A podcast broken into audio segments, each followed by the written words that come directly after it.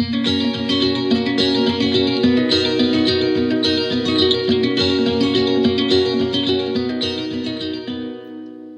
til Danske Bankers, podkasten for deg som vil vite hva som rører seg i markedet fra uke til uke. Mitt navn er Fredrik Ask Stensrud, og med meg i studio som vanlig så har jeg vår sjefstrateg Christian Lie. Velkommen, Christian. Takk skal du ha. Vi fikk ikke kjørt eh, den podden her på fredag, da vi vanligvis publiserte den. Da var du oppe i fjellheimen og sto på ski. Det, den sesongen går jo på hell, så det får være greit. Og nå er påskeferien rett rundt hjørnet, så den episoden som vi slipper i dag, det blir faktisk siste episode før vi tar opp igjen tråden med danske bankers fra slutten av uke 17, tror jeg. Men med det sagt så vil jeg gjerne vite, Kristian, hva er det som skjedde i forrige uke? Det som eh, preget uken, var vel egentlig gryende optimisme. Og den startet eh, på, på søndag med veldig hyggelige kinesiske nøkkeltall. Og kombinert da med enda flere eh, positive signaler fra forhandlingene mellom USA og Kina relatert til handelskonflikten, og fortsatt eh, veldig duete og forsiktige sentralbanker som holder rentene lave, så bidro det til ganske kraftig oppgang i, i aksjemarkedet. Og I aksjemarkedet så er vi nå opp 15% for globale aksjer siden årsskiftet. Og skulle det fortsette ut året, så går vi mot eh, et av de beste årene noen gang i historien for aksjemarkedet. Så det er grunn til å tro at uh, tempoet vil dempes litt uh, fremover. Det som uh, normalt skal være de viktigste driverne for aksjemarkedet, det er jo de såkalte fundamentale forholdene, altså hvordan det går i økonomien og hvordan det går med selskapsinntjeningen. Og det som helt klart har vært et kjennetegn ved kursoppgangen i år, det er i større grad at eh, investorene har vært mer fokusert på andre ting enn bare realøkonomiske ting. Så det er to, to hovedsakelige drivere i år. Det er egentlig det som har skjedd med sentralbankene, at de holder rentene lave lenger. Og det andre at man eh, har veldig store forventninger til at en handelsavtale skal utløse en global eh, vekstrekyl. Men Kristian, det virker litt, i hvert fall på meg når jeg hører disse ekspertene uttale seg, så vrir man og vender på det her så det liksom passer din egen eh, retorikk til enhver tid. da. For du kan jo si at ja, sentralbankene holder renta lavere, noe som da driver markedet. Men på en annen side så kan du jo si at med lavere renter sånn, så vil det også forsterke den resesjonsfrykten som man har snakket mye om. Eller i hvert fall eh, forsterke forventningen om at den frykten er reell. Hva har du å si til det? Jo, det er riktig. Det er helt riktig. Eh, men på den annen side så ser man gjerne at i enkelte perioder så velger investorene å fokusere på eh, det ene, men ikke det andre. Og det vi eksempelvis har sett nå, er jo at investorene fokuserer på eh, de gode økonomiske nøkkeltallene som er, men de ignorerer de dårlige. Og Det er jo da i stor grad fordi de tror at de svake kommer til å være midlertidige, og at vi kommer til å få en oppblomstring etter hvert. Og Det så vi eksempelvis forrige uke, hvor investorene fokuserte da på en ganske god amerikansk arbeidsmarkedsrapport. De fokuserte på en god ISM-indeks for industrien, men de ga ikke så mye oppmerksomhet da til en fortsatt veldig svak, utvikling i, i, den amerikanske detaljhandelen, i det amerikanske bilsalget og for så vidt også i kapitalinvesteringene, som man ser nå har falt fire måneder på rad i USA. Så helt klart så er det eh, det vi kaller FOMO på, på Hamar, altså Fear of Missing Out, som også er med på å drive markedene høyere, nemlig at mange investorer som har vært skeptiske eh, gjennom eh, første kvartal, i ho kanskje i hovedsak fordi makroen har vært så svak, Eh, de ser nå at markedet bare vil opp, det fortsetter opp, og dermed så tvinges de til å øke investeringene sine i aksjemarkedet igjen, og det trekker kursene enda høyere oppover. Så vi mener jo nå at eh, med 15% oppgang så langt i år på det vi kaller en ikke-realisert makrostabilisering, som vi fortsatt tror ligger to-tre måneder frem i tid, så tror vi det er litt sånn begrensa oppside, i hvert fall på kort eh, mellomlang sikt nå. Yes. Det er fair. Hva om brexit?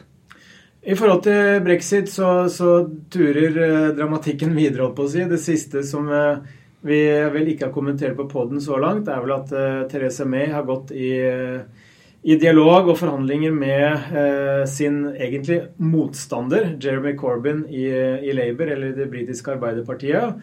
Og det hun håper å få til, det er en sånn tverrpolitisk enighet som egentlig er veldig uvanlig i Storbritannia, som da kan danne grunnlag for eh, at EU kan tillate en lengre forlengelse. Eh, og det, det er vår, vårt utgangspunkt også. Vi tror det er 75% sannsynlighet for at det blir en langvarig eh, utsettelse i minst ni eh, måneder. Hvor da man kan danne grunnlag for en fratredelsesavtale som da ender opp i en endelig brexit. Men grunnen til at denne uken her er så spennende, er jo at EU e skal ha et toppmøte som begynner på onsdag klokka seks på kvelden. Og der skal bl.a.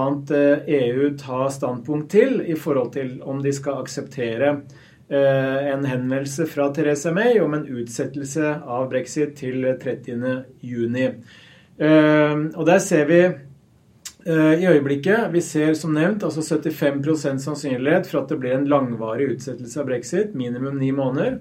Vi ser 10% sannsynlighet for at vi bare får en kort utsettelse av brexit.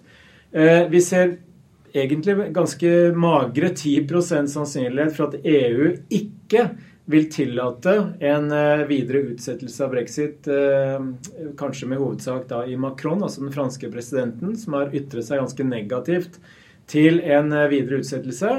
Og vi tror det er faktisk bare 5% sannsynlighet for at parlamentet i Storbritannia blir enige om May sin avtale før onsdag. Altså da snakker vi en og en halv dag. Riktig. Det der var ikke bare bare å holde alle de prosentene der. Jeg fikk ikke det til å bli 100 engang, men det kan ha med mine matematiske evner gjøre. Det er ikke så farlig. Hva er det som skjer eh, denne uken her? Det som eh, skjer denne uken her, det er onsdag, blir en spennende dag. Da har vi rentemøte hos ECB.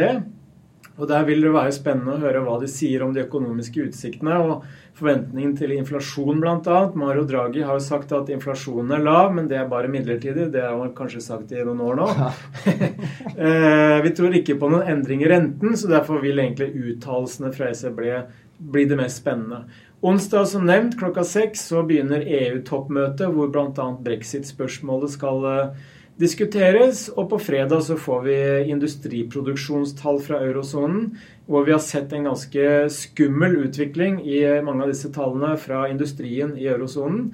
Og ethvert vendepunkt i riktig retning vil kunne være en bekreftelse for optimist, optimistene som har regjert i aksjemarkedet så langt i år. Mm. Ikke oss inkludert. Ikke oss inkludert, det er helt sikkert. Eh, vil du ha noen avsluttende kommentarer før vi tar eh, en veldig tidlig påskeferie, Kristian?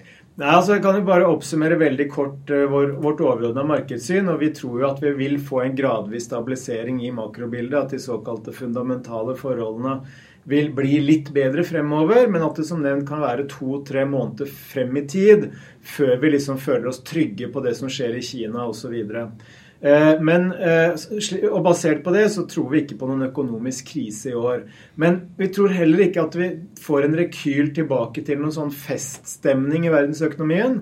Og det er bl.a. fordi både i USA og i Kina så vil stimulansen etter hvert begynne å trekkes tilbake. I USA så begynner allerede Trump sine finanspolitiske eh, stimulanser med skattekutt, økte bevilgninger og budsjett osv. å miste sin impuls på økonomien.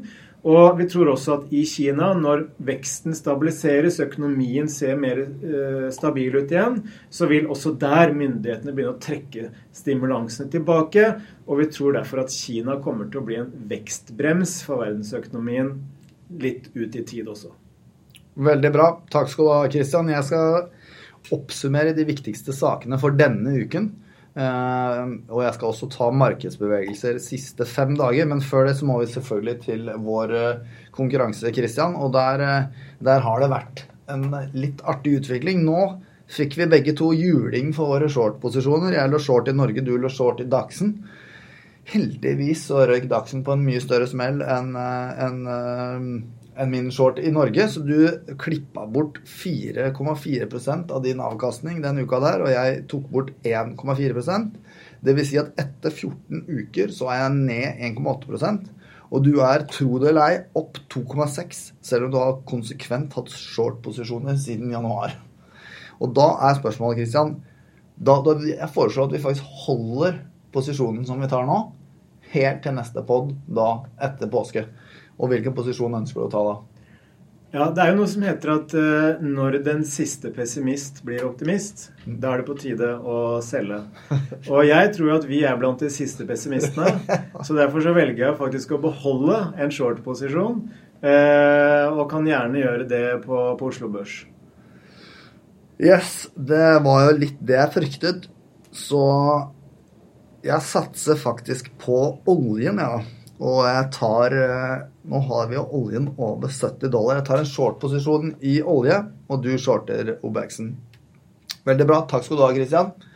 Da tar jeg markedsbevegelser siste fem dager. OECDX opp 2,5% SMP 500 opp 2% Eurostock 600 opp 2,4% og oljeprisen opp 4 Eh, de viktigste sakene denne uken det er et rentemøte i ECB klokka to på onsdag. Vi har et EU-toppmøte eh, vedrørende brexit på onsdag klokken seks. Og på fredag klokken 11 så får vi industriproduksjon fra eurosonen. Da gjenstår det bare å ønske en god påske til alle når den tid kommer fra redaksjonen her i Danske Bankers. Vi høres.